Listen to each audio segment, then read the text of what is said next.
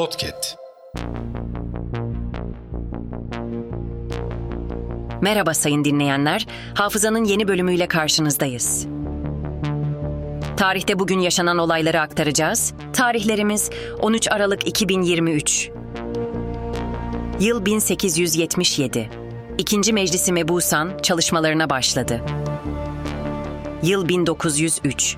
İtalyan asıllı Amerikalı dondurma satıcısı Italo Marcioni ilk dondurma külahının patentini aldı. Yıl 1960.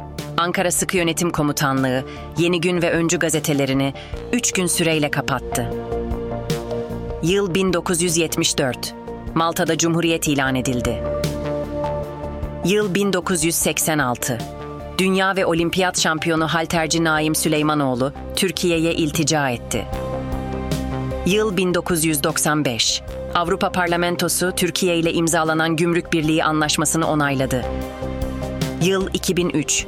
ABD askeri güçleri Devrik Irak Devlet Başkanı Saddam Hüseyin'i Irak'ta saklandığı yerde yakaladı.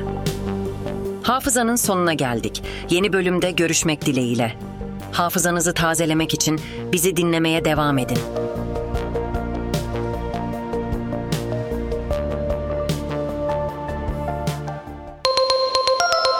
Podcast.